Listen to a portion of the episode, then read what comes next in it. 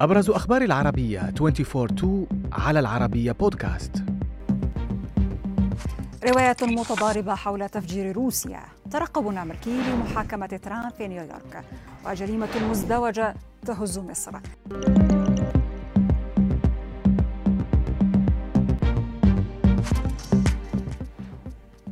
البداية من روسيا حيث اتهمت موسكو الاستخبارات الأوكرانية وموالين للمعارض الروسي المعتقل أليكسي نافالني بالوقوف وراء تفجير مقهى بسانت بطرسبرغ والذي أدى لمقتل مدون عسكري وعدة إصابات.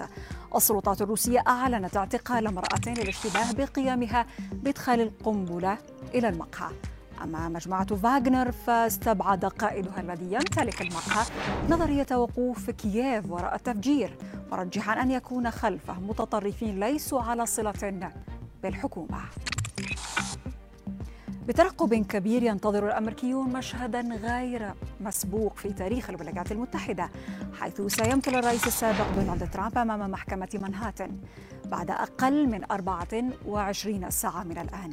مراقبون امريكيون توقعوا أن ترامب سيعمد إلى استغلال كل صور الحدث بدءا من سيره في ممر المحكمة نحو قوسها وصولا إلى مشهد جلوسه أمام القاضي. ذلك لحشد التعاطف وجمع التبرعات والإعلانات لحملته الانتخابية في الانتخابات الرئاسية المقبلة. والآن إلى مصر حيث هزت جريمة مزدوجة شهدتها مدينة السادس من أكتوبر في القاهرة. هزت الشارع المصري حيث أقدم رجل على نحر طليقته وطعنها بسكين في الشارع وأمام المارة حتى لفظت أنفاسها الأخيرة. الأمر لم يتوقف عند هذا الحد حيث لم يقف أهالي الحي الذي شهد الجريمة مكتوفي الأيدي بل انهالوا عليه بالضرب قبل أن يتم نقله إلى المستشفى. وخلال تواجده هناك لحقه شقيق المجني عليها وطعنه بالسكين انتقاما لمقتل شقيقته. بعد مرور آلاف السنين على وفاتها توصل فريق من العلماء إلى نوع العطر الذي كانت الملكة كليوباترا تستخدمه. واستطاع العلماء فك رموز العطر الذي كتبت وصفته أو كتبت وصفته في النقوش المحفورة على جدران المعابد.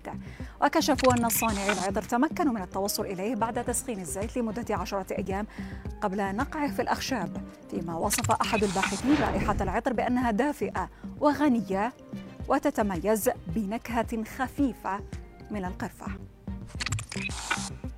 وفي حادث جديد خرجت نحو 25 عربة قطار عن مسارها في ولاية مونتانا الأمريكية حيث تكرر كثيرا هذا النوع من الحوادث في الولايات المتحدة مؤخرا.